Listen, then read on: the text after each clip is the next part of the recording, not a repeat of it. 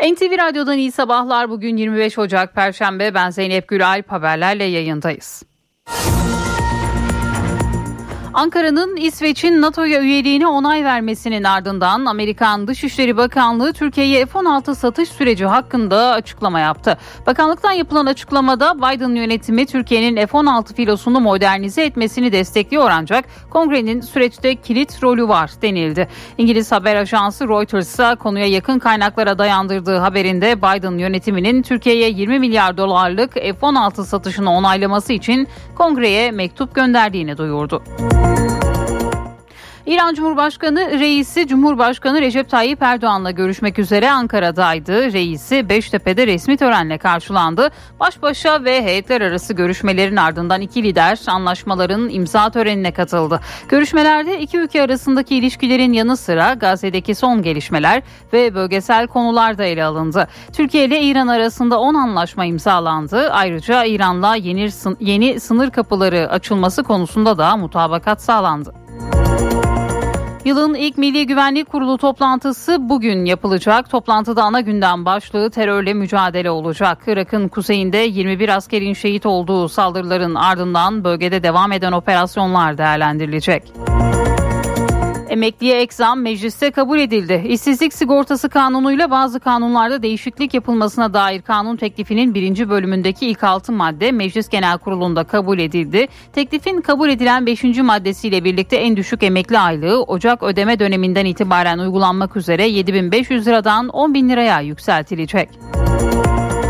AK Parti'nin Ankara ilçe adayları netleşti. Altındağ Belediye Başkan adayı Veysel Tiryaki, daha önce bu görevi yürüten belediye başkan adayı Asım Balcı da Mamak'tan aday oldu. Çankaya Belediye Başkan adayı Duhan Kalkan, Keçiören Belediye Başkan adayı Zafer Çoktan, Yeni Mahalle Belediye Başkan adayı Abdülkadir Aydoğan oldu. Ankara'da 20 ilçede AK Parti aday çıkardı. Gölbaşı, Etimeskut, Ayaş, Polatlı ve Kalecik'te ise MHP adayları desteklenecek.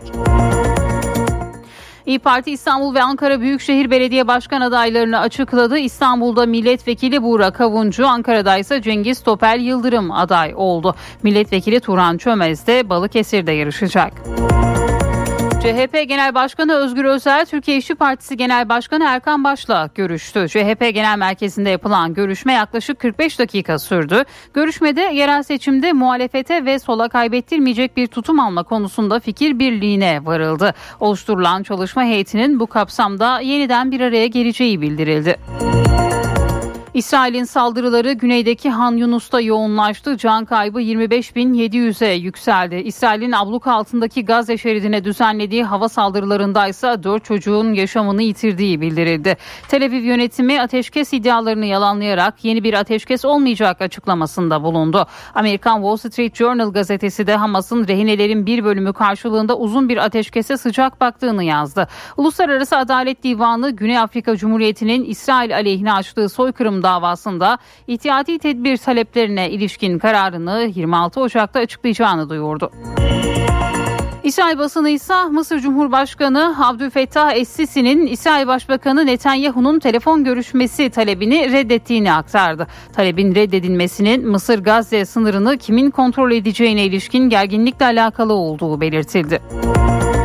Ayım'dan Yunanistan'a sığınmacı çocuk cezası geldi. Avrupa İnsan Hakları Mahkemesi sığınma talebinde bulunan refakatsız bir çocuğun haklarının ihlal edildiği gerekçesiyle Yunanistan'a 8 bin euro para cezası verdi.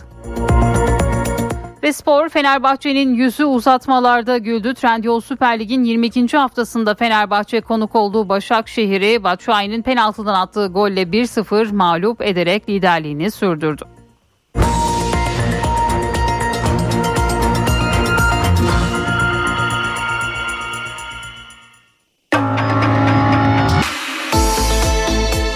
İşe giderken gazetelerin gündemi.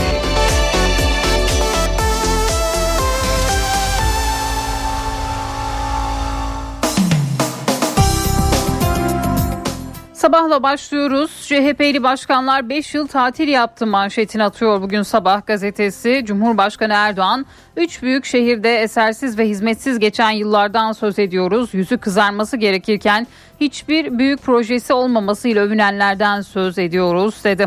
Yıllarca yönetimde kalıp hiçbir şey yapmayanlardan bahsediyorum. Gerçi hiçbir şey yapmadılar demek doğru değil. Mesela bol bol şov ve tatil yaptılar. Akla ziyan dedikodularla ekonomide bin bir güçlükle temin ettiğimiz güven ve istikrar iklimini bozacak kampanyalar başlatıyorlar.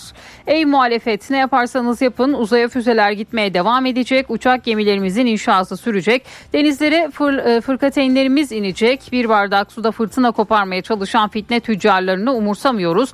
Milletimiz bunun hesabını 31 Mart'ta sandıkta soracaktır diye konuştu Cumhurbaşkanı Erdoğan Ata Kongresyum'da düzenlenen AK Parti Ankara ilçe adaylarının tanıtım toplantısında bu açıklamaları yaptı.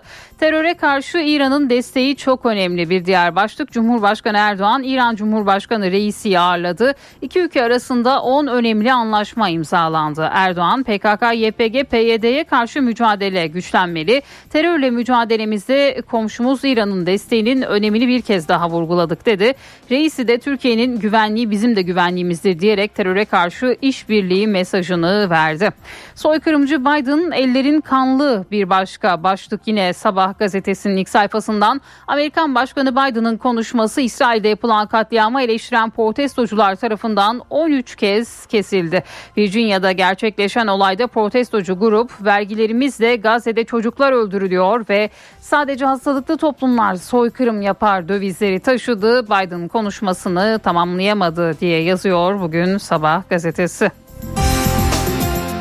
Hürriyet'in manşetinde bir gün sonra F-16 mektubu başlığını görüyoruz. Meclis İsveç'in NATO'ya katılımına onay verdi. Gözler Amerika'ya çevrildi.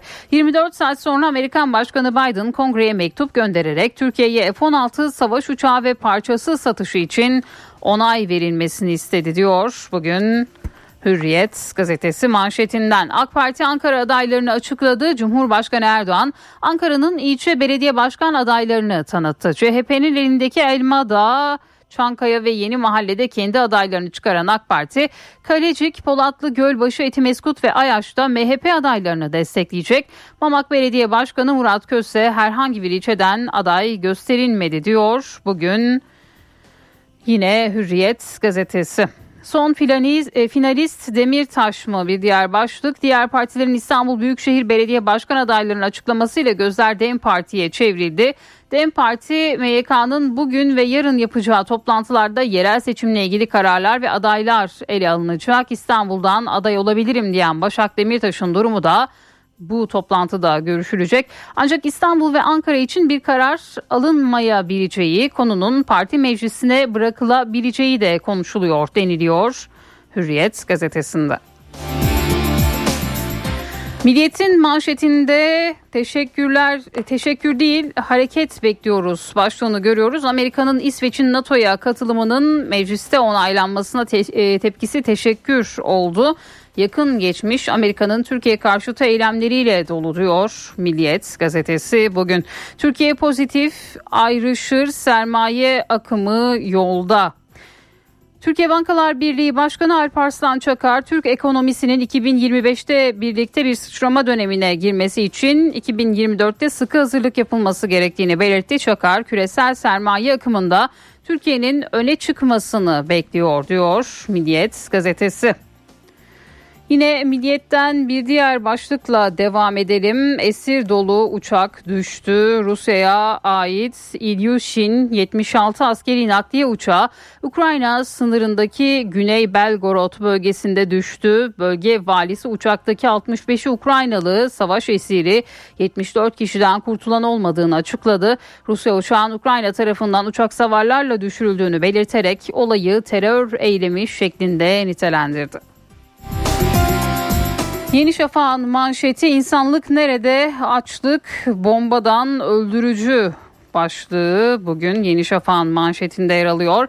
Gazze'de bombalarla 25 binden fazla kişiyi katleden İsrail açlığa da bir soykırım silahı olarak kullanıyor. Tarım arazileri yakılan, elektriksiz kalan ve tam abluka nedeniyle dışarıdan da gıdaya ulaşamayan 1,3 milyon Filistinli açlıktan ölüm tehdidiyle karşı karşıya diyor. Bugün Yeni Şafak gazetesi çocuklar bile kalp krizi geçiriyor deniliyor. Yeni Şafak bilgi veren Refat'taki Kuveyt Hastanesi'nden Doktor Ammar Dimar üzüntü ve korku çocuklarda kalp krizine neden oluyor.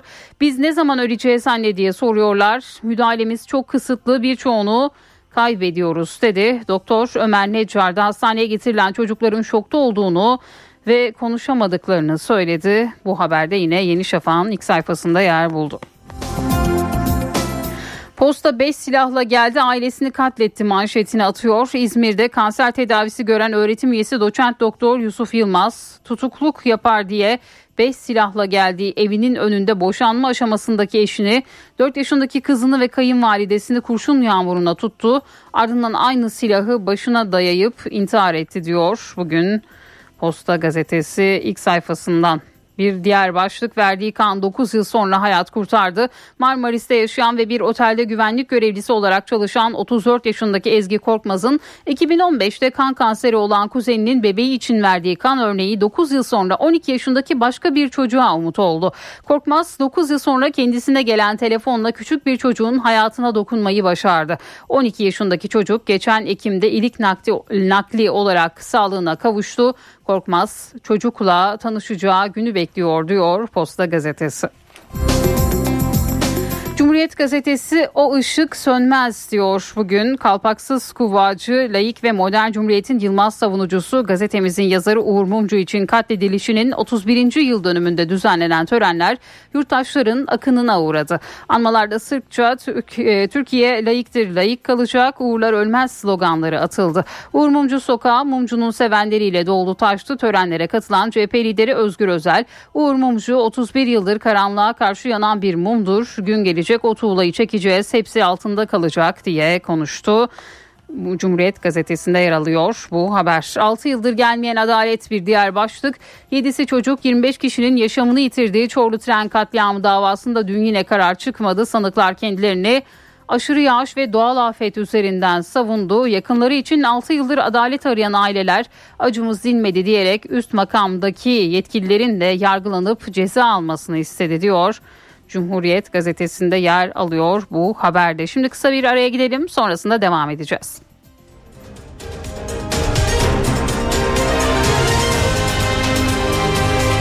NTV Radyo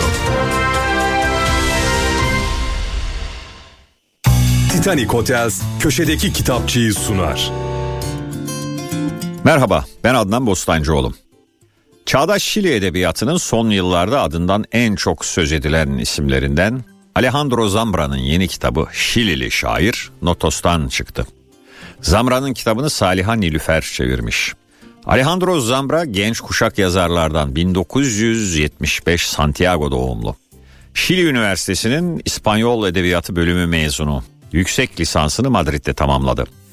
Edebiyata şiirle başlayan Zambra'nın ilk romanı Bonsai 2006 yılının en iyi romanı dalında Şili Eleştirmenler Ödülünü kazandı. Bonzai sinemaya da uyarlandı. Halen Meksiko'da yaşayan yazarın diğer kitaplarını da hatırlayalım. Eve dönmenin yolları, ağaçların özel hayatı, belgelerim, soru kitapçığı ve serbest kürsü. Zamra'nın Şilili Şair isimli eseri edebiyata özellikle de şiire bir güzelleme. Alejandro Zamra bu acımasız dünyada okuyup yazmanın anlamını, bir ailenin parçası olmanın zorluklarını açık yürekli, mizah dolu ve umut veren bir anlatımla sorguluyor. Çağımızın en çok okunan yazarlarından Paul Auster'in son eseri Baumgartner Can yayınlarından çıktı. Kitabı dilimize Seçkin Selvi çevirmiş. Paul Auster 1947 ABD New York doğumlu. İlk eseri bir üçlemenin New York üçlemesinin ilk kitabı Cam Kent idi. Üçlemenin diğer kitapları ise Hayaletler ve Kilitli Oda. Oster'in eserleri 20'den fazla dile çevrildi ve kısa sürede dünyanın en popüler yazarlarından biri oldu. Eserlerinden bazılarını hatırlayalım. Son Şeyler Ülkesinde, Yükseklik Korkusu, Ay Sarayı, Şans Müziği, Brooklyn Çılgınlıkları, Yanılsamalar kitabı. Oster'in son kitabı Baumgartner sevgili eşi Anna'nın ölümü sonrasında büyük üzüntü yaşayan 71 yaşındaki felsefe profesörü Baumgartner'in emekliliğe ve dünyadan elini eteğini çekmeye hazırlanışını konu ediniyor. Roman Baumgartner ile Anna'nın 1968'deki parasız öğrencilik yıllarında New York'ta bir yandan çalışarak diğer yandan yazarak geçirdikleri günlerin anılarıyla başlıyor. Sonraki 40 yılı aşkın sürede yaşadıkları mutlu evliliklerini anlatıyor ve geriye dönüşlerle Baumgartner'in New York'taki ilk gençlik günlerini ve kökenlerini tanıtıyor. Bir süredir kanser tedavisi gören Paul Oster, The Guardian'da kendisiyle yapılan röportajda Baumgartner için yazdığım son şey olabilir diyor. Üzücü ama böyle. Herkese iyi okumalar, hoşçakalın. Titanic Hotels köşedeki kitapçıyı sundu. Yiğit Akü yol durumunu sunar. Karayolları Genel Müdürlüğü duyurdu. Diyarbakır-Mardin yolunun 14-16. kilometrelerinde ve Çanakkale-Çan yolunun 15-18. kilometrelerinde yol bakım çalışmaları yapıldığından ulaşım kontrollü olarak sağlanıyor. Sürücüler dikkatli seyretmeli. Yiğit Akü yol durumunu sundu. NTV Radyo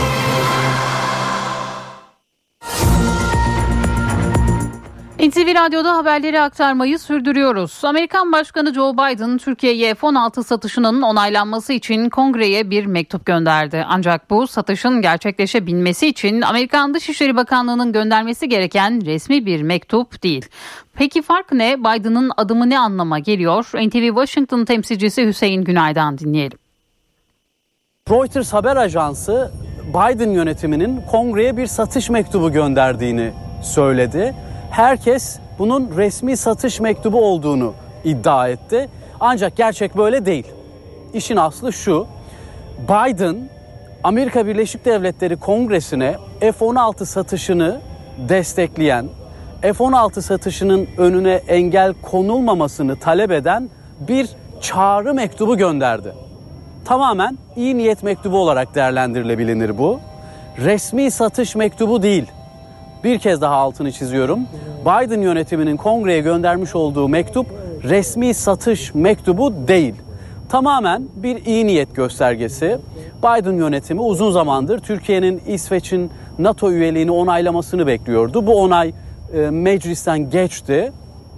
Biden yönetimi de buna karşılık olarak Amerikan Kongresi'ne bir çağrı mektubu gönderdi ve dedi ki biz Türkiye'ye F-16'ları satmak istiyoruz. Karşılığında da 20 milyar dolar gibi bir para kazanacağız. Amerikan hazinesinin bu paraya ihtiyacı da var. Bu yüzden satış mektubu, nihai satış mektubu gönderildiğinde buna itiraz etmeyin. Tabi Biden yönetiminin elinde olan bir şey değil bu. Kongrenin karar vereceği bir şey.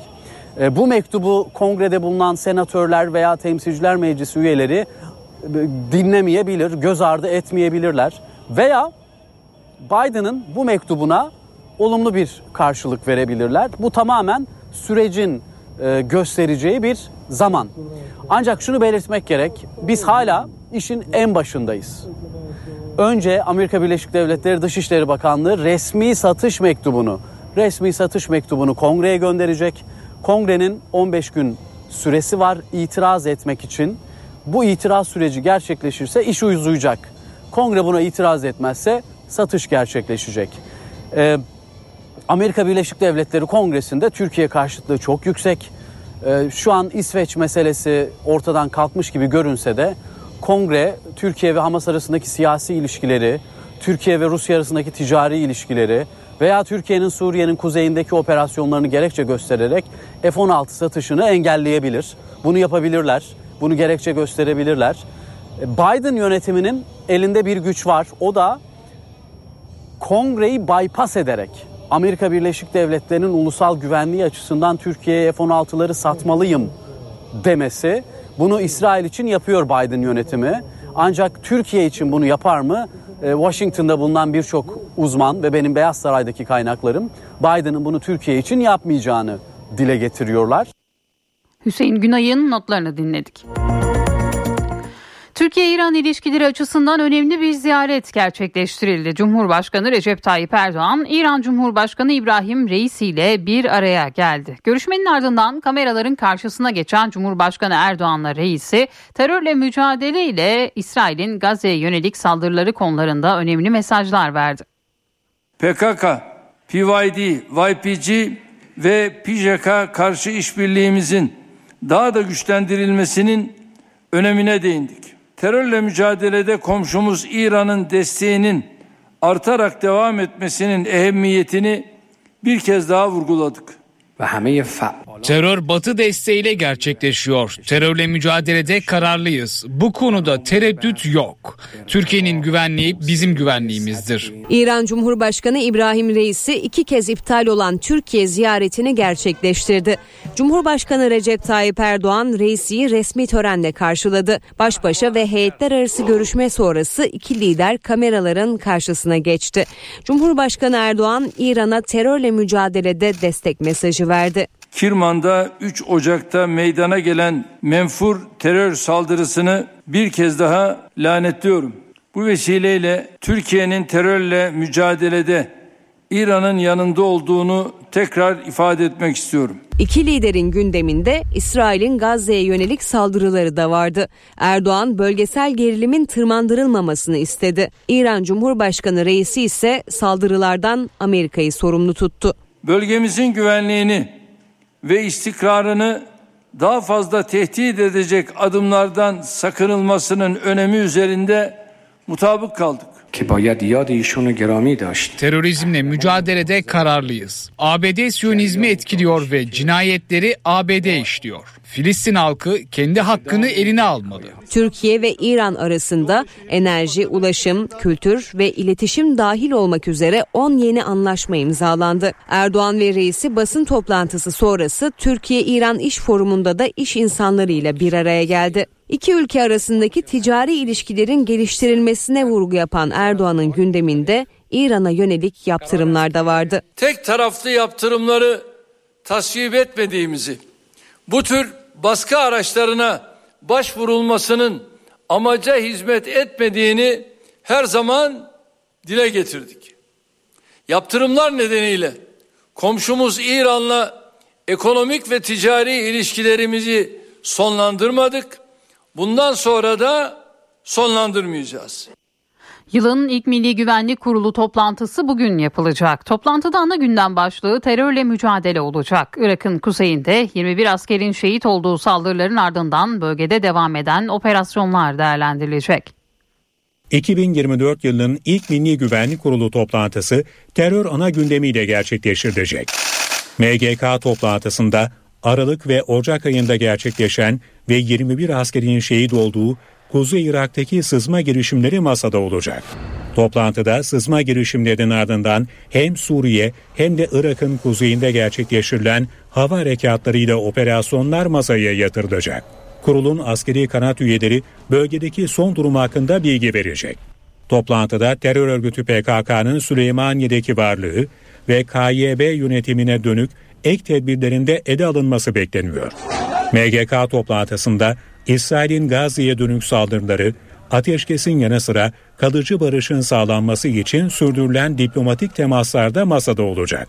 MGK toplantısında Rusya-Ukrayna savaşı ve İran-Pakistan gerginliği gibi bölgesel konu başlıkları da ele alınacak. Toplantının ardından alınan kararlar yazılı bir açıklamayla duyurulacak. Emekliye ek zam mecliste kabul edildi. İşsizlik sigortası kanunuyla bazı kanunlarda değişiklik yapılmasına dair kanun teklifinin birinci bölümündeki ilk altı madde Meclis Genel Kurulu'nda kabul edildi. Teklifin kabul edilen beşinci maddesiyle birlikte en düşük emekli aylığı Ocak ödeme döneminden itibaren uygulanmak üzere 7500 liradan 10 bin liraya yükseltilecek. SGK ve Bağkur emeklisine ikinci eksam kararının bütçeye etkisi belli oldu. Yeni eksamın maliyeti 50 milyar lira olarak hesaplandı. Emekliye yeni ekzam bütçeye 50 milyar lira maliyet getirecek. Hazine ve Maliye Bakanlığı ile diğer kurumlar ekzama ilişkin etki analizini yaptı. 5 puan ek zam ve en düşük emekli maaşının 10 bin liraya çıkarılmasının maliyeti 200 milyar lira olmuştu. Yeni adımla birlikte 50 milyar liraya yakın yeni bir ek maliyet doğdu. Yani toplam yük 250 milyar liraya yükseldi. İlave ek zam sonrası birçok emeklinin kök maaşı 10 bin lira alt sınırına yaklaştı ya da onu aştı. Kök ücreti 6400 lira civarında olan emekli %42,6 zammın üzerine 700 liralık hazine desteği alacaktı. Yeni zamla birlikte kök maaşı alt sınırı olan 10 bin liraya yaklaşacak. Hazine yardım oranı gerileyecek. Edinilen bilgilere göre yılın tamamında bütün emekli gruplarına yapılacak toplam zam oranı konusunda görüş değişmedi. Emeklilere yılın tamamında %70 civarında zam yapılması planlanıyor. Temmuz zamlarında da bu hesap dikkate alınacak. Zamların orta vadeli plan hedeflerinin içinde kalmasına önem verilecek.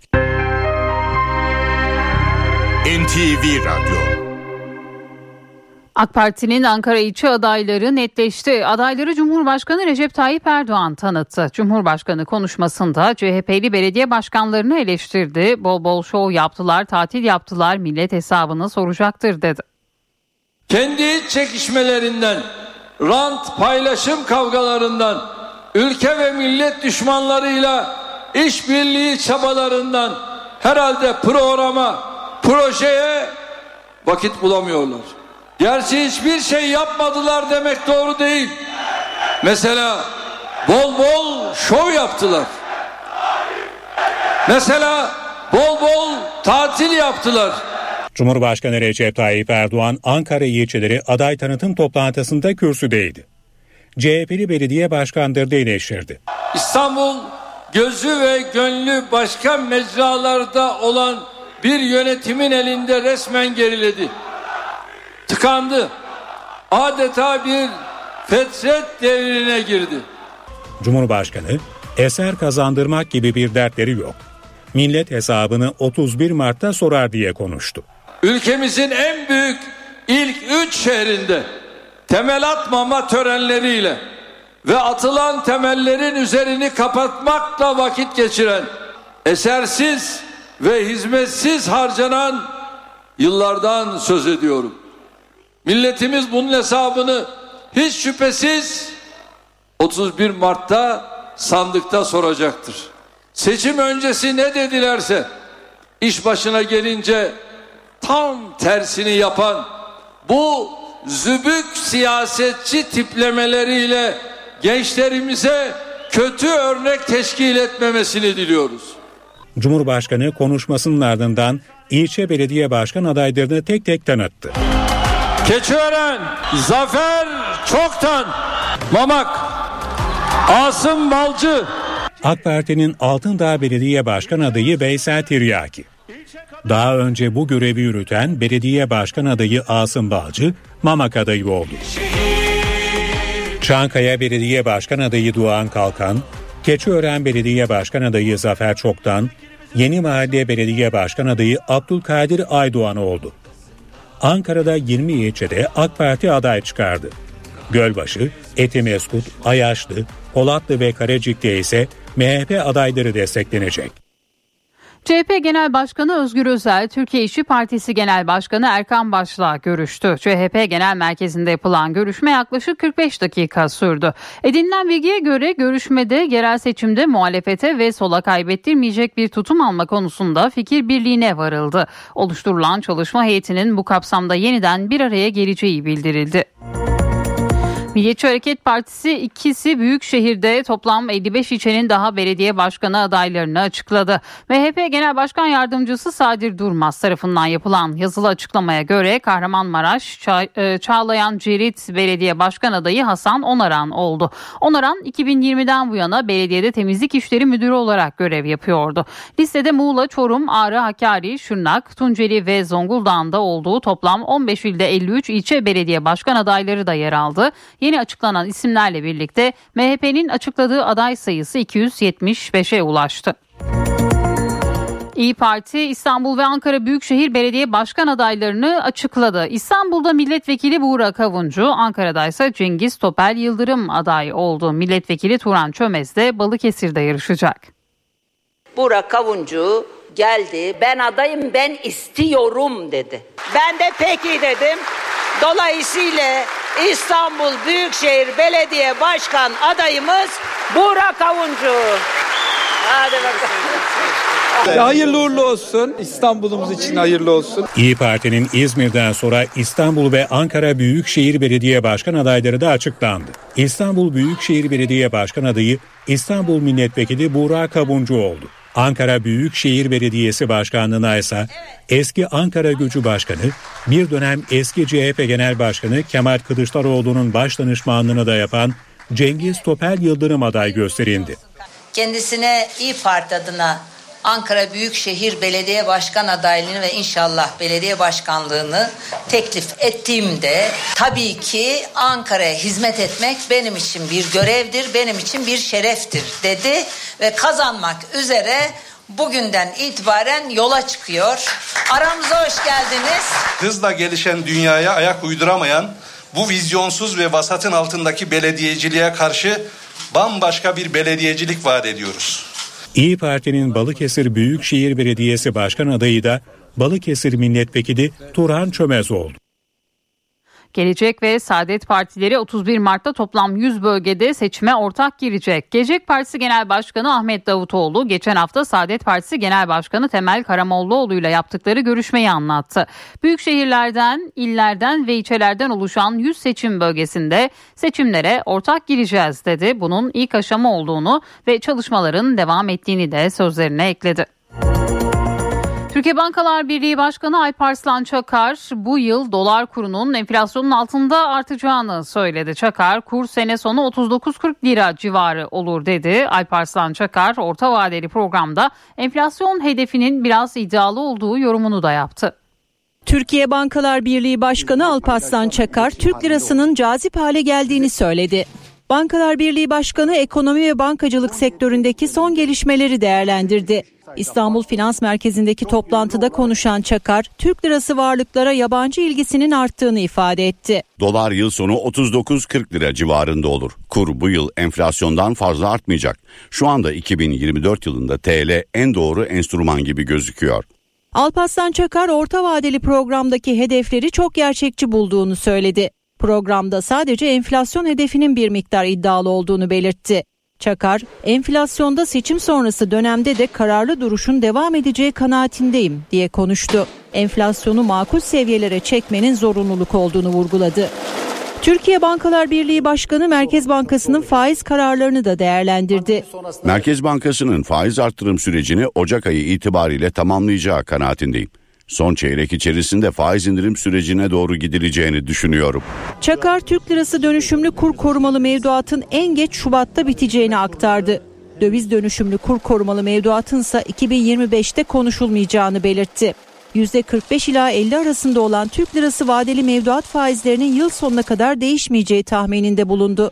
Çakar, bankaların Merkez Bankası'nda tutması gereken zorunlu karşılıklarla ilgili de çağrı yaptı. Bankalara zorunlu karşılıklar için en azından bir miktar faiz verilmesi gerek dedi. Türkiye İstatistik Kurumu enflasyon tartışmaları ile ilgili bir açıklama yaptı. Açıklamada algılanan enflasyonla tüfenin farklılaşmasına yönelik haberlerin çarpıtıldığını söyledi. Yazılı açıklamada algılanan enflasyonun tüketici eğilim anketinde yer alan geçen 12 aylık dönemde tüketici fiyatlarının yüzde kaç arttığını veya azaldığını düşünüyorsunuz sorusuna verilen cevapla hesaplandığı belirtildi. 2023 yıl sonunda tüfe yüzde 64,77 iken tüketicilerin tahmini yüzde 96'dır denildi. Tüketicilerin geçmiş 12 aydaki enflasyon algısını yansıtan ve tek soruluk veri setinden elde edilebilen sonuçlarla resmi tüfe verisini karşılaştırmanın doğru olmadığı belirtildi. Bunun üzerinden yapılan yorumlar için manipülatif ve art niyetli bir yaklaşım ifadesi kullanıldı. Algılanan enflasyonla tüfe arasındaki oransal fark Avrupa Birliği ülkelerinde 5 ila 6 kata çıkarken ülkemizde bu farklılaşma çok daha düşüktür denildi. Çiğ süte gelen zam süt ürünlerine de yansıdı. Kahvaltılıklara en az %10 oranında zam geldi. Böylelikle artık piyasada peynirin fiyatı 300 liraya dayandı. Tereyağı ise 440 lira. Süt ürünlerine zam geldi sonrasına. Daha da devam ediyor. Yatıyoruz kalkıyoruz zam. Peynir, tereyağı. Hep hep hep. Aşırı aşırı böyle zam. Yani Alalım mı almayalım mı düşünüyoruz. Sütteki fiyat artışı domino etkisi yarattı. Peynirinden yoğurduna, tereyağından kaşar peynirine, kısacası kahvaltılık birçok ürüne peyderpey zam geldi. Her gün gidiyoruz ayrı bir hesap ediyoruz ama çoluklu çocuklu kalabalık ailenin ne yaptığı benim çok merakımda. Ulusal Süt Konseyi 22 Ocak'tan itibaren geçerli olacak şekilde çiğ süt tavsiye fiyatına %17 zam yapmıştı. Çiğ süte gelen zamla beraber aynı oranda süt ürünlerinde de fiyat artışı yaşandı ve bugünden itibaren etiketleri değişti. Örneğin beyaz peynire baktığımız zaman zamdan önce kilosu 275 liraydı ama şu anda baktığımızda 295 liraya çıkmış durumda. Tereyağına geldiğimizde de onun da fiyatı zamdan önce 400 liraydı. Şu anda kilosu 440 lira. Peynir anca alabiliyoruz. Tereyağı alamıyoruz. Şu anda etiketlere baktığın zaman marketlerde peynirin kilosu 350 lira 400 liradan aşağı değil. Ben geçen sene Urfa'da özel olarak peynir sipariş ederdim. Tenekesini 350-400 liraya aldığım süt ürünü şu anda kilosu orada 250 lira. Aradaki farka bak. Hepsi, hepsine geliyor yani. Her gün ım, şeye uğruyorum alışveriş yerine. Mutlaka bir fiyat değişiyor yani. 1 kilogramlık yoğurtsa 50 liradan 60 liraya çıktı. Kaşar peynirinin kilogram fiyatı ise 250 lirayla 350 lira arasında değişiyor. 8 kilo 7 kilo 10 kaşarda daha çok kullanılıyor. 9 kiloya kadar çıkıyor kaşarda. Onun için kaşar pahalı oluyor. Önce bir kalıp alıyorduk şimdi yarım kalıp. Alışımız düşüyor. Zam zam neyi alacağız ne almayacağız her şeye zam.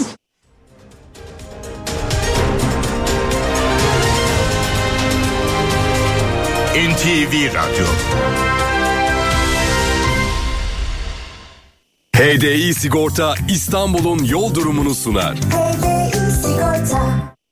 İstanbul'da trafikte yoğunluk haritası %42'yi gösteriyor. 15 Temmuz Şehitler Köprüsü'ne giderken Anadolu'dan Avrupa'ya geçişte Libadiye bağlantı yolu Beylerbeyi arasında sabah yoğunluğu var. Fatih Sultan Mehmet Köprüsü'ne giderken de Ümraniye Kavacık arası yoğun. Her iki köprüde de Anadolu'dan Avrupa'ya geçişte bir araç yoğunluğu gözleniyor. Avrasya Tüneli ise çift taraflı açık. Avrupa yakasına gelindiğinde E5'te Avcılar Küçükçekmece arasında bir yoğunluk var. Tem'de ise Bahçeşehir Altınşehir arasında sabah trafiği var. Yolda olanlara iyi yolculuklar. HDI Sigorta İstanbul'un yol durumunu sundu. Alman teknolojisiyle üretilen Düfa Boya spor haberlerini sunar.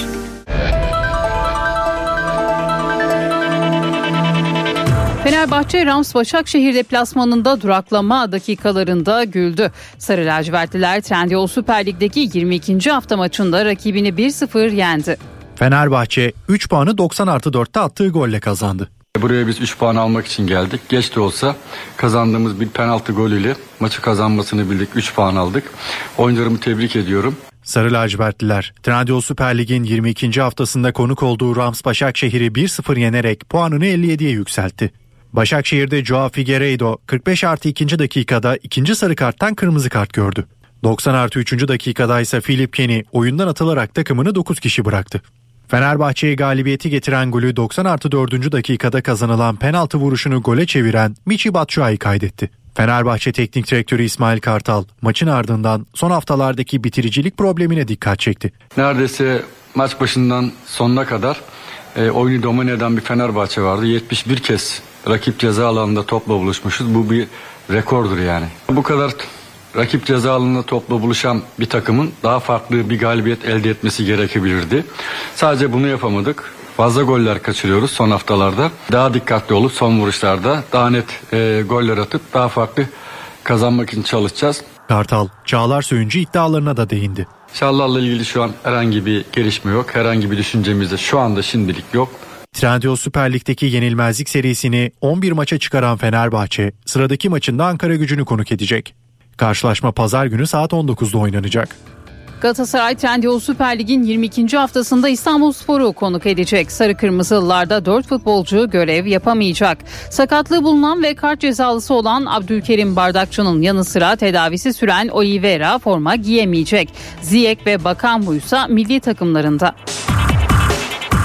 Bahçeşehir Koleji Europe Cup'ta kaldığı yerden devam ediyor. Kırmızı Ejderhalar ikinci tur gruplarındaki dördüncü maçında Legia Varşova'yı 77'ye 66 mağlup etti.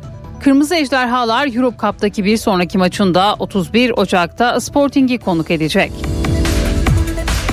Fenerbahçe Beko Euroleague'de geçen hafta alınan Zalgiris mağlubiyetini telafi etmek istiyor. Sarı lacivertliler 23. hafta maçında Virtus Bologna'yı konuk edecek. Ülker Spor ve Etkinlik Salonu'nda oynanacak musabaka saat 20.45'te başlayacak.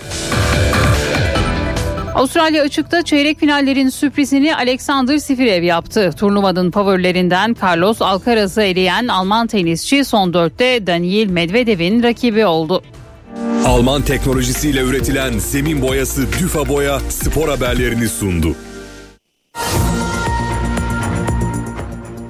Saat 8 Türkiye ve Dünya gündeminde bu saate kadar öne çıkan başlıklara bir haber turuyla bakalım. Ankara'nın İsveç'in NATO'ya üyeliğine onay vermesinin ardından Amerika Birleşik Devletleri Dışişleri Bakanlığı Türkiye'ye F-16 satış süreci hakkında açıklama yaptı. Bakanlıktan yapılan açıklamada Biden yönetimi Türkiye'nin F-16 filosunu modernize etmesini destekliyor ancak kongrenin süreçte kilit rolü var denildi. İngiliz haber ajansı Reuters ise konuya yakın kaynaklara dayandırdığı haberinde Biden yönetiminin Türkiye'ye 20 milyar dolarlık F-16 satışını onaylaması için kongreye bir çağrı mektubu gönderdiğini duyurdu. İran Cumhurbaşkanı İbrahim Reisi Cumhurbaşkanı Recep Tayyip Erdoğan'la görüşmek üzere Ankara'ya geldi. Reisi Beştepe'de resmi törenle karşılandı. Baş başa ve heyetler arası görüşmelerin ardından iki lider anlaşmaların imza törenine katıldı. Görüşmelerde iki ülke arasındaki ilişkilerin yanı sıra Gazze'deki son gelişmeler ve bölgesel konular da ele alındı. Türkiye ile İran arasında 10 anlaşma imzalandı. Ayrıca İran'la yeni sınır kapıları açılması konusunda da mutabakat sağlandı. Yılın ilk Milli Güvenlik Kurulu toplantısı bugün yapılacak. Toplantıda ana gündem başlığı terörle mücadele olacak. Irak'ın kuzeyinde 21 askerin şehit olduğu saldırıların ardından bölgede devam eden operasyonlar değerlendirilecek.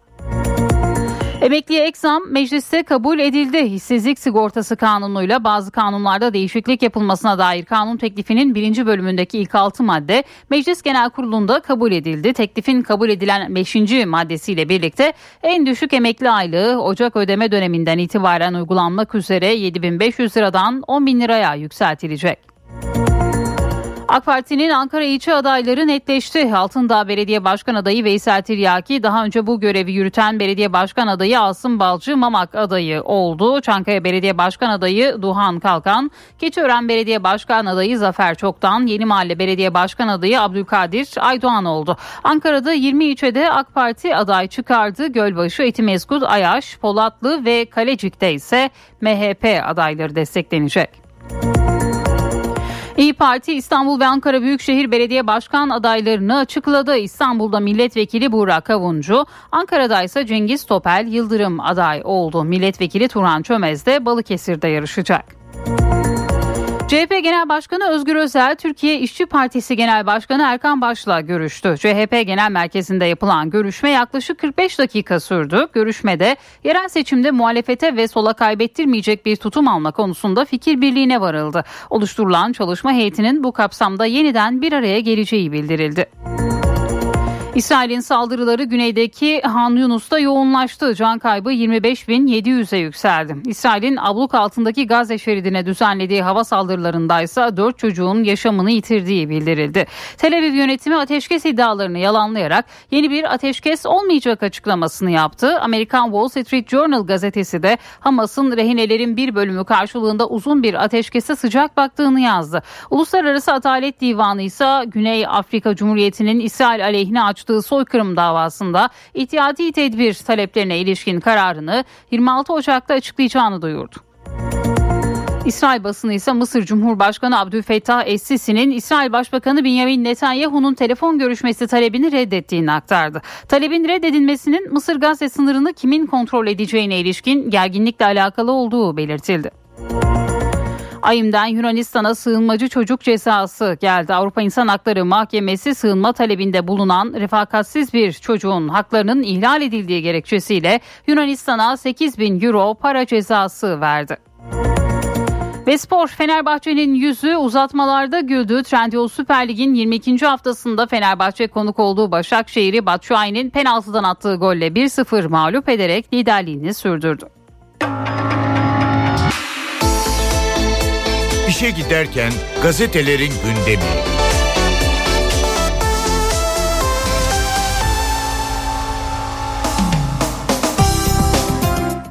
Sabahla başlayalım. CHP'li başkanlar 5 yıl tatil yaptı. Manşetini atıyor bugün sabah gazetesi Cumhurbaşkanı Erdoğan 3 büyük şehirde esersiz ve hizmetsiz geçen yıllardan söz ediyoruz. Yüzü kızarması gerekirken hiçbir büyük projesi olmamasıyla övünenlerden söz ediyoruz diye konuştu. Yıllarca yönetimde kalıp hiçbir şey yapmayanlardan bahsediyorum. Gerçi hiçbir şey yapmadılar demek doğru değil. Mesela bol bol şov ve tatil yaptılar. Akla ziyan dedikodularla ekonomide binbir güçlükle temin ettiğimiz güven ve istikrar iklimini bozacak kampanyalar başlatıyorlar. Ey muhalefet ne yaparsanız yapın uzaya füzeler gitmeye devam edecek. Uçak gemilerimizin inşası sürecek. Denizlere fırkateynlerimiz inecek bir bardak suda fırtına koparmaya çalışan fitne tüccarlarını umursamıyoruz. Milletimiz bunun hesabını 31 Mart'ta sandıkta soracaktır dedi. Cumhurbaşkanı Erdoğan Sabah gazetesinin manşetinde yer alıyor Cumhurbaşkanının açıklamaları. Teröre karşı İran'ın desteği çok önemli bir diğer başlık. Cumhurbaşkanı Erdoğan İran Cumhurbaşkanı Reisi'yi ağırladı. İki ülke arasında 10 önemli anlaşma imzalandı. Erdoğan PKK, YPG, PYD'ye karşı mücadele güçlenmeli. Terörle mücadelemizde konu, komşumuz İran'ın desteğinin önemini bir kez daha vurguladık dedi. Reisi de Türkiye'nin güvenliği bizim de güvenliğimizdir diyerek teröre karşı işbirliği mesajı verdi ve yine bu haberde sabahın ilk sayfasındaydı.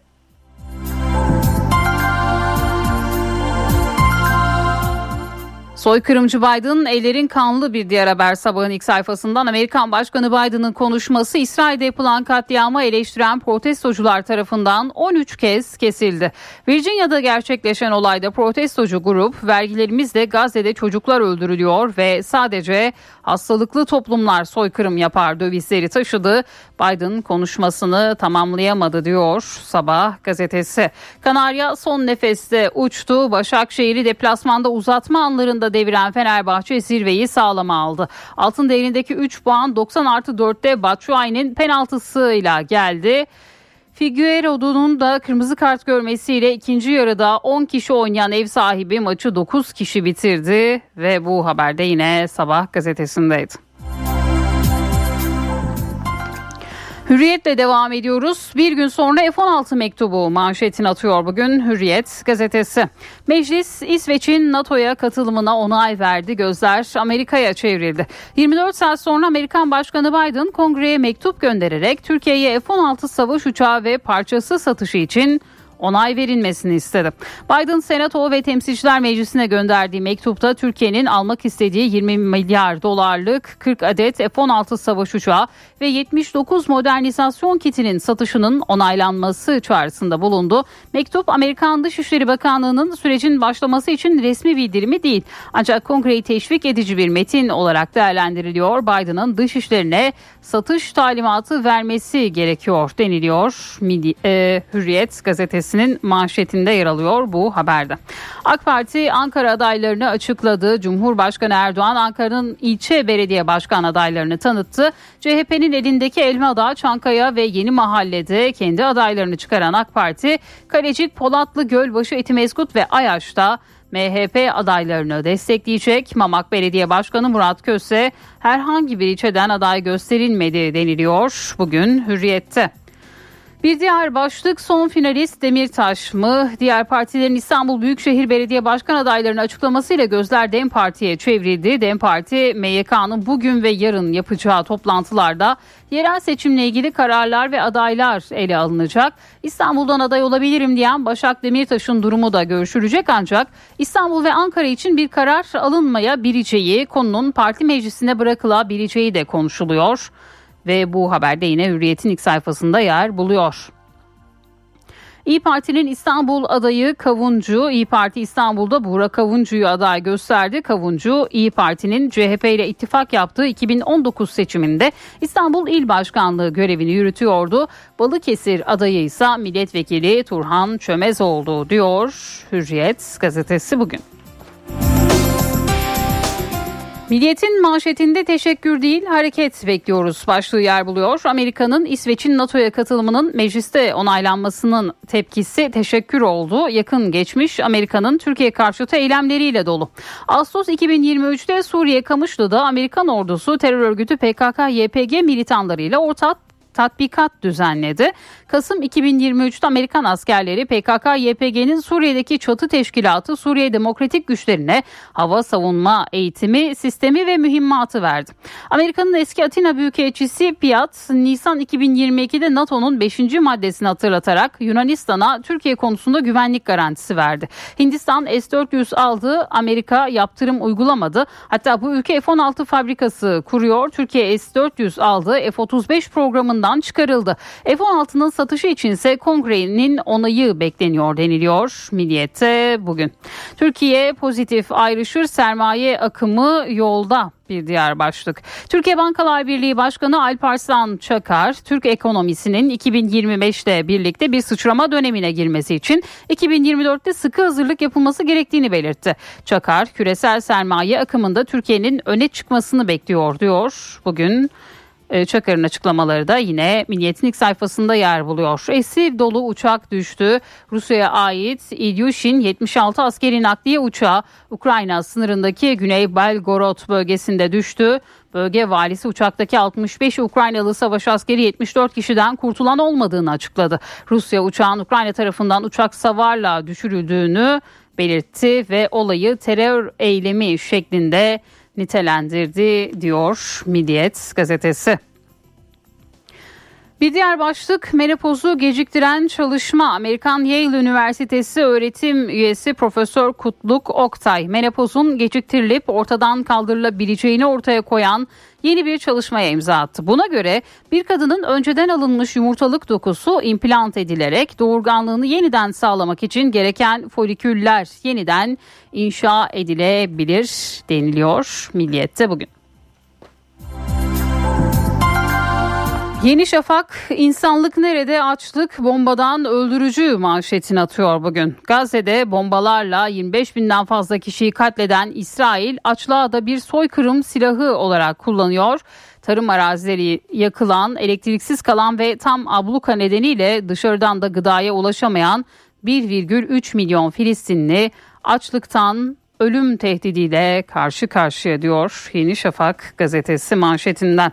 Çocuklar bile kalp krizi geçiriyor deniliyor. Yeni Şafak bilgi veren Refah'taki Kuveyt Hastanesi'nden Doktor Ammar Dimar üzüntü ve korku çocuklarda kalp krizine neden oluyor.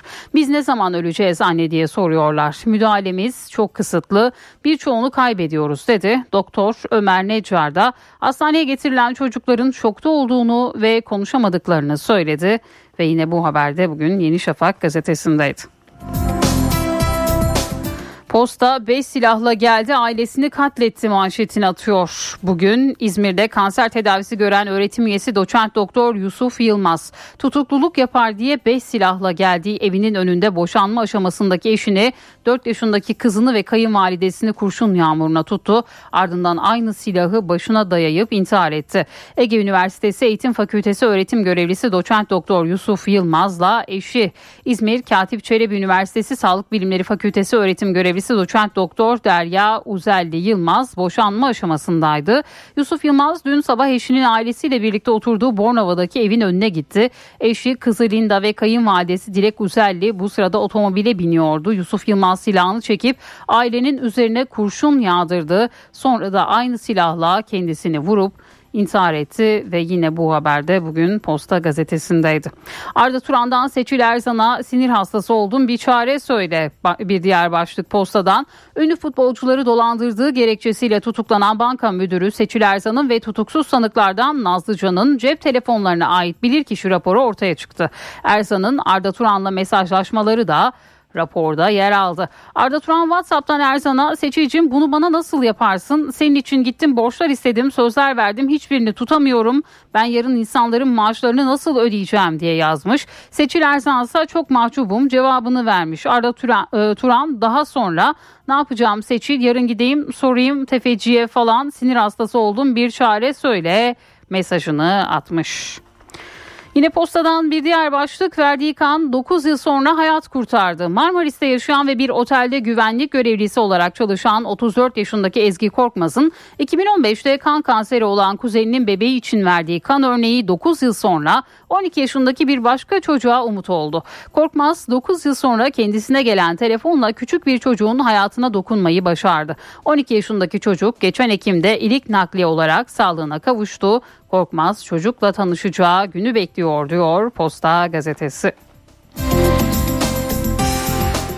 Cumhuriyet gazetesi o ışık sönmez diyor bugün. Kalpaksız kuvvacı, layık ve modern Cumhuriyet'in Yılmaz savunucusu gazetemizin yazarı Uğur Mumcu için katledilişinin 31. yıl dönümünde düzenlenen törenler yurttaşların akınına uğradı. Anmalarda sıkça Türkiye layıktır, layık kalacak, uğurlar ölmez sloganları atıldı. Uğur Mumcu sokağı Mumcu'nun sevenleriyle doldu taştı. Törenlere katılan CHP lideri Özgür Özel, Uğur Mumcu 31 yıldır karanlığa karşı yanan bir mumdur.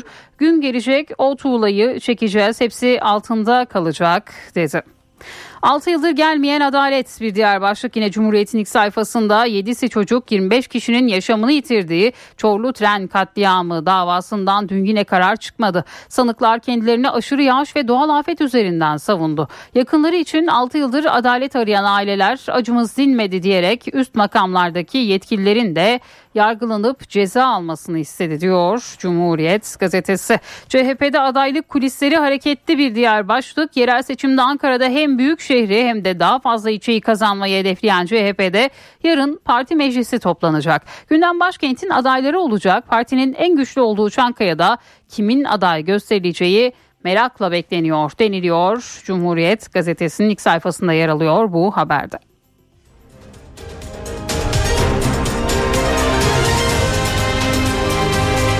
NTV Radyo Evdeki Hesap Profesör Murat Ferman hafta içi her gün ekonomideki güncel gelişmeleri NTV Radyo dinleyicileri için yorumluyor. Günaydın Sayın Ferman mikrofon sizde. Zeynep Gül Hanım günaydın. İyi bir gün, iyi yayınlar diliyorum. Son günlerde enflasyonla ilgili enteresan bir tartışma gündeme geldi. TÜİK'in e, birkaç gün evvel yayınladığı tüketici eğilim anketinde geçen 12 aylık dönemde tüketici fiyatlarının yüzde kaç arttığını azaldığını düşünüyorsunuz?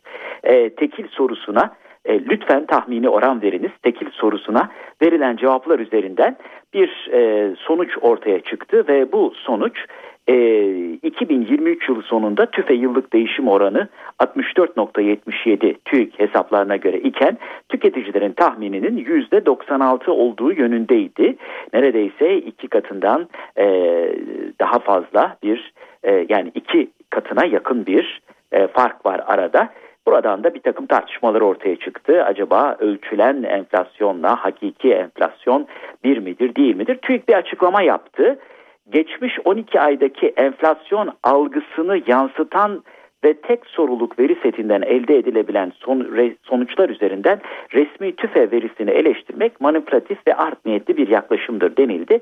Ve denildi ki işte biz her ay 81 il 228 ilçeden 564.710 fiyatın derlenerek enflasyon uluslararası standartlarda ölçülmektedir vesaire. Tabii bu çerçevede enteresan bir zamanlama da oldu. E, değerli meslektaşlarım e, Mahfi Eğilmez ve Binhan Elif Yılmaz'ın da bu konuda güncel bazı makale ve tespitleri ortada. E, Binhan Elif Yılmaz diyor ki makalesinin başlığı çok enteresan. Enflasyonunuzu nasıl alırsınız? Hani bizim hep söylediğimiz enflasyon herkese göre değişir. Herkesin enflasyonu kendisinedir. Binhan Hoca değerli meslektaşım 2024 Outlook 2024 ekonomik görünümü dibacesinde yer alan ekonomistin Asya muhabiri Leo Mirani'nin bir makalesine de dikkat çekiyor. Gizli enflasyon belası e, makalenin başlığı. E, hakikaten e, gerek e, Binhan Hoca'nın gerek Leo Mirani'nin e, gerekse e, değerli hocamızın e, sözlerinde, e, yazdıklarında, sosyal medya mesajlarında e, şu anlatılıyor. E, aslında enflasyonun arkasında farklı sebepler var. İşte shrinkflasyon, shrinkflasyon, e, e, gridflasyon gibi unsurlar var. Dolayısıyla enflasyonu bu şekliyle bakmak lazım. E, ben de kendi makale dibaceme baktım. 26 Mart 2023'te enflasyon ailesinin diğer üyeleri diye tam bunlardan da bahsetmiş. Kayıtlı satırlara geçirmiş sonra da bu mikrofonlardan e, üstünde konuşmuştuk. Burada bir temel ölçme etkisi var. E, bir kere enflasyonla hayat pahalılığı birbirinden farklı. E, enflasyon hayat pahalılığının tabanını veya asgari şartını oluşturuyor. Enflasyon yukarıda değilse hayat pahalılığı veya hayat pahalılığının algılanması da yukarıda olamıyor. Bizde enflasyon yukarıda olduğu için hayat pahalılığı farklı şekillerde algılanıyor. E, temel bir başparmak kuralı eğer gelirinizi enflasyonun üstünde arttırırsanız hayat pahalılığını hissetmezsiniz. Hatta daha da ucuz gelir size öyle hayat pahalılığı falan yok dersiniz. Genelde bu e, e, nüfusun yüzde beş ila onu için geçerlidir. E, dolayısıyla kur korumalı mevduattan 1 milyon dolarınız var yatırıp da 3 ay sonra 1 milyon 300 bin dolar kazanıyorsanız elbette hayat pahalılığı algısı değişir. Ama önemli olan şu TÜİK ve benzeri unsurların e, başta TÜİK olmak üzere ölçümleri tüm e, milyonların e, özellikle e, ücret ve gelir unsurunda veya hesaplanmasında çıpa veya resmi kerteriz oluyor. Dolayısıyla doğru ölçmek lazım. Yoksa hani check-up'tan sonra hiçbir şeyiniz yok aslan gibisiniz deyip ertesi gün hücceten gidenlerin durumunu da unutmamak gerekir. Yani e, neren acıyorsa oradadır canım demiş hasta. Hani doktor sağlamsınız dese bile hastanın hissettiği ve hastanın çizdiği grafik önemlidir. O bakımdan e, Ocak ayı sepetin yeniden belirlenme dönemidir. Kuru soğan mıdır, domates midir, çay mıdır? E, Türkiye'nin alışkanlıklarında, satın alma alışkanlıklarında hangisi öndedir? Bunlara bakmakta fayda var. Evet, yani sepetin içinden faks kağıdını, zımparayı, floppy diski çıkartmak zaten hayatın doğal akışına e, göre gerekeni yapmaktır. Ama anlaşılıyor ki ölçmede bir sıkıntı var bu ölçme sıkıntısını mümkün olduğu kadar gerçeklere yaklaştırmak da hepimizin ortak sorumluluğudur. Bu genel değerlendirme çerçevesinde değerli dinleyenlerimize katma değeri yüksek ve yüksek katma değerli bir gün diliyor. Huzurlarınızdan hürmetlerle ayrılıyorum. Profesör Murat Ferman'la evdeki hesap sona erdi. Kaçırdığınız bölümleri www.ntvradio.com.tr adresinden dinleyebilirsiniz. Dünya markası Bras çatı sistemleri finans bültenini sunar. Borsa İstanbul Yüz Endeksi 8090 seviyelerinde dolar 30.26 euro 32.99'dan işlem görüyor. Euro dolar paritesi 1.08 altının onzu 2015 dolar. Kapalı çarşıda gram altın 1961 çeyrek altın 3326 liradan satılıyor. Brent petrolün varil fiyatı ise 80 dolar. Dünya markası Bras çatı sistemleri finans bültenini sundu. Benzersiz duvarlar artık hayal değil. Sandeko Boya hava durumunu sunar. Soğuk hava ülkede bir hafta daha etkisini sürdürecek. İstanbul ve Bursa'da hava çoğu saat bulutlu, hafif yağmur geçişleri görülebilecek. İstanbul 10, Bursa 12 derece. Ankara çok soğuk, sıcaklık öyle 4, gece eksi 3 derece. İzmir'de puslu ve serin bir hava var, sıcaklık 12 derece. Antalya ise bulutlu 18 derece olacak bugün. Eşsiz boya, eşsiz mekanlar. Sandeko Boya hava durumunu sundu. Araç takipte liderlerin tercihi Mobiliz risk haritasını sunar. İç Anadolu'da sabahları oluşan sis ve buzlanmaya karşı sürücüler yavaş ve dikkatli seyretmeli. Ayrıca yine İç Anadolu ve Doğu kesimlerde gece sıcaklığı çok düştüğünden don oluşuyor, tedbirli olunmalı. Araç takipte liderlerin tercihi Mobiliz risk haritasını sundu. Mobiliz. Doğa takvimi Bugün 25 Ocak 2024 Perşembe NTV Radyo iyi günler diler. Ay bu gece dolunay. Bu dolunaya kurt dolunayı da denir. Bu ismi Kızılderililerin verdiği söylenir. Kurt dünyaya, insanlara yön gösterir ve pek çok kültürde bilge kabul edilir. Gökyüzü gözlemine yeni başlayanlar için bir not. Gece ve gündüz tüm gökyüzü doğudan batıya doğru hareket ederken kutup yıldızı olduğu yerde durur. Alp Akoğlu diyor ki bir fotoğraf makinesini kutup yıldızına çevirip gece boyunca fotoğraf çekersek yıldızların onun çevresinde dairesel çizgiler çizdiğini görürüz. Tüm yıldızlar kutup yıldızının çevresinde dönüyor göründüğünden ona yakın mesafede olan yıldızlar hiçbir zaman ufkun altına inmez. Kutup yıldızının bulunduğu kuzey gök kutbu çevresinde dolanıp dururlar. Gökyüzünü gözlerken aklınızda bulunsun. Bir notta eskilerden. Mesela çoğalması, büyümesi istenenler için yeni ayda, bitmesi, azalması istenenler için dolunayda dilek tutulur. Mesela denir ki ay yeniye geçmeden tohum ekilmez, tarla biçilmez. Aysız fidan dikilmez, ağaç kesilmez. Kesilirse dayanmaz. Aysız tarla gübrelenmez, kuluçka oturtulmaz. Doğa takvimi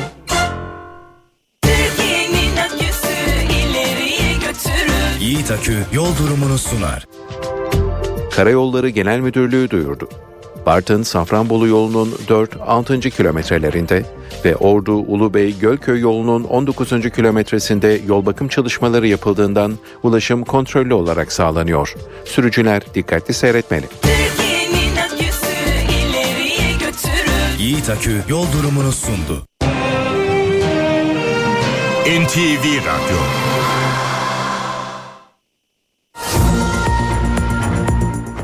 NTV Radyo'da haberleri aktarmayı sürdürüyoruz. Amerikan Başkanı Joe Biden Türkiye'ye F-16 satışının onaylanması için kongreye bir çağrı mektubu gönderdi. Satış için Dışişleri Bakanlığı'nın kongreye resmi mektup göndermesi gerekiyor.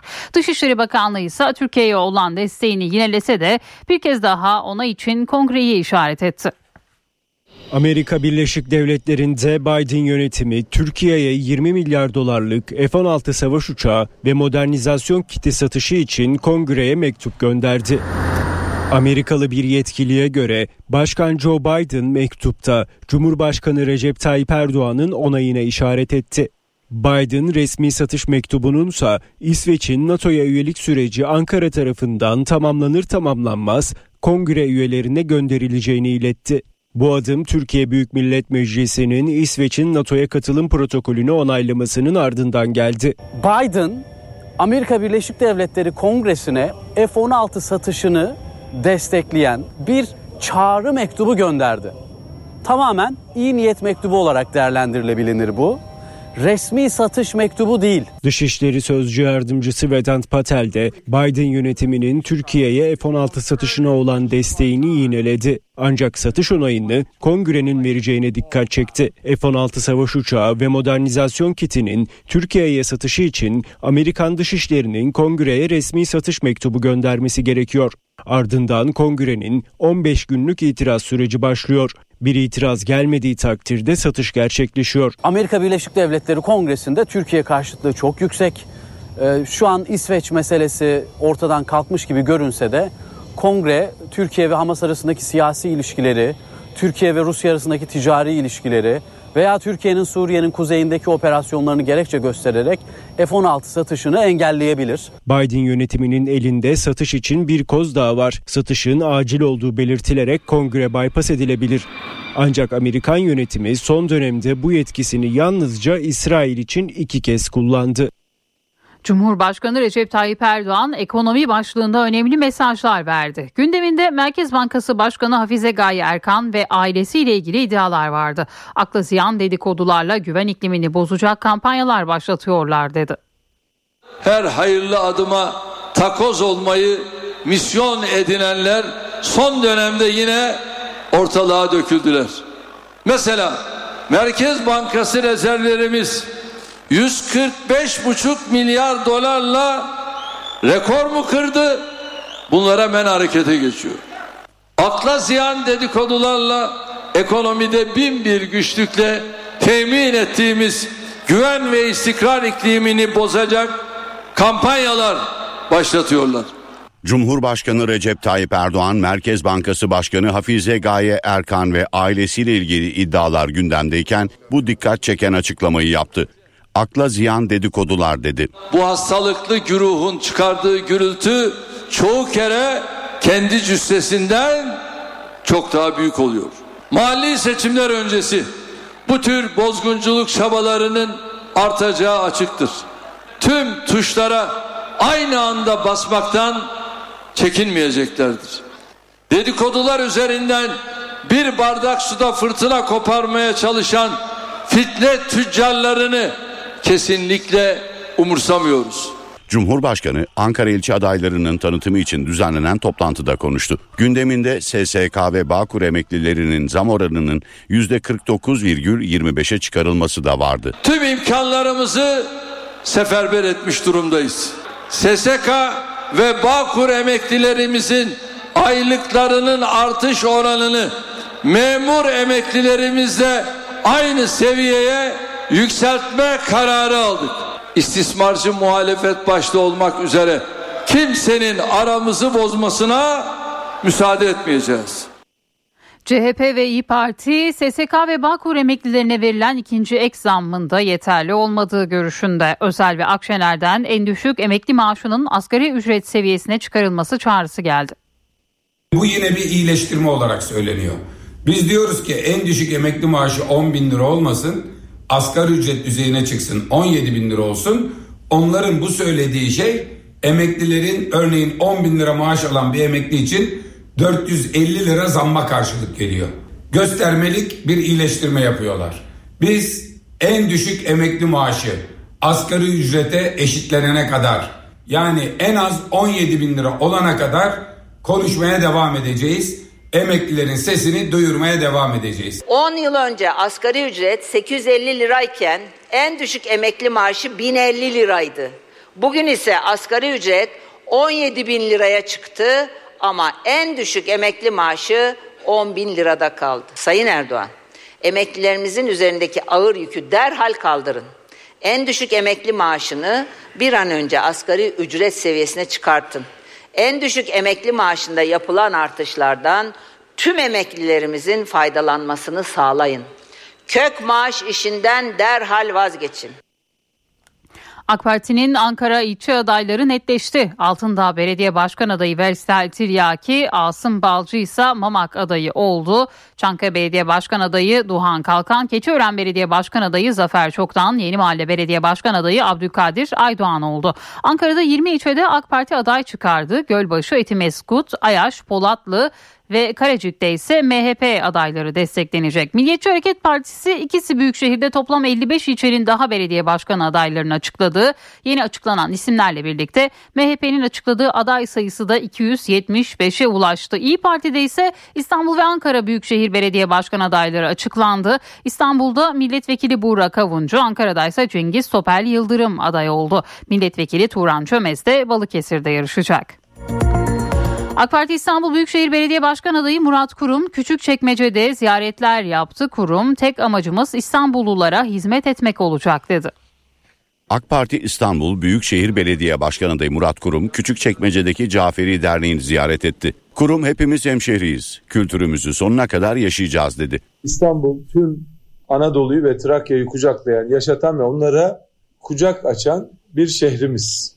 İstanbul Kafkasya'dan Balkanlara kadar tüm gönül coğrafyamızdan göç etmiş kardeşlerimizin yine yurdudur, evidir, barkıdır. Ve bu şehirde hepimiz hemşeriyiz. Hepimiz buraya aitiz. Zeynebiye Camii ve Kültür Merkezi'nde devam eden inşaat çalışmalarını da inceleyen kurum beraberlik mesajı verdi. İstanbul'un değerini, kültürünü e, sonuna kadar yaşatıyoruz. Bu çeşitlilik İstanbul kültürünün zenginliğidir ve bu çeşitliliği, bu değerleri kimse yok edemez. Yok etmesine bundan önce müsaade etmedik. Bundan sonra da etmeyeceğiz. Zorlaştıran değil, kolaylaştıran tarafta olacağız. Ve halkımızın inancı gereği doya doya, doya doya altını kalın çizgilerle çizmek istiyorum. Huzurla, korkusuz bir şekilde yaşayacağı anlayışı İstanbul'un her yerinde sergilemeye devam edeceğiz. Bu anlayışla belediyecilik hizmetlerinde de herkese eşit davranacağız ve adil olacağız. İstanbul Büyükşehir Belediye Başkanı Ekrem İmamoğlu belediyede çalışan sendikalı işçi sayısını açıkladı. İmamoğlu son 4,5 yılda sendikalı sayısında 4 kattan fazla artış olduğunu söyledi. İstanbul Büyükşehir Belediye Başkanı Ekrem İmamoğlu, İstanbul Kent Konseyi'nin düzenlediği 1961 Saraçhane İşçi Mitingi fotoğraf sergisinin açılışına katıldı. İmamoğlu son 4,5 yılda belediyede çalışan sendikalı işçi sayısındaki artışa dikkat çekti.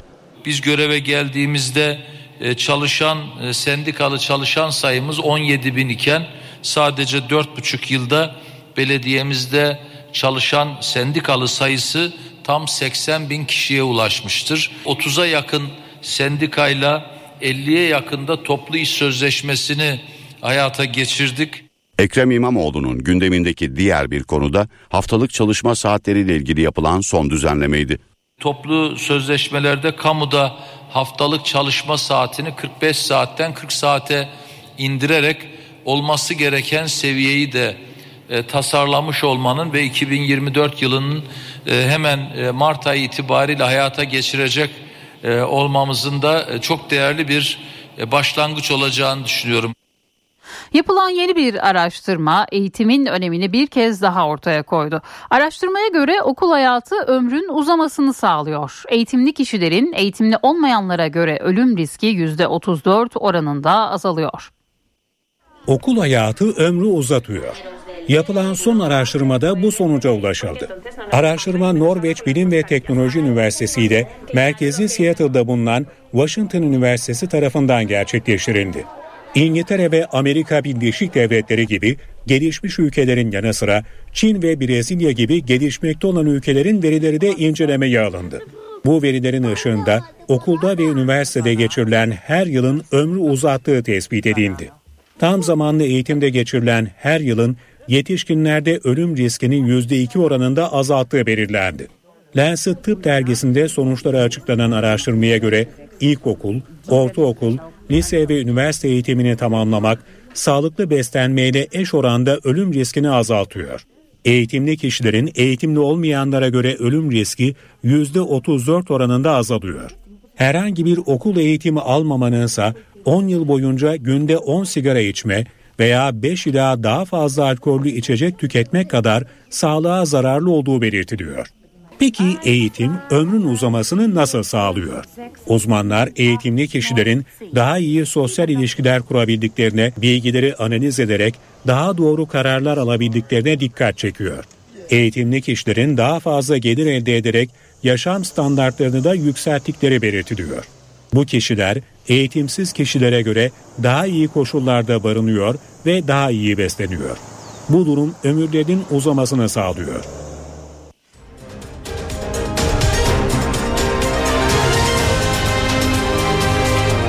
NTV Radyo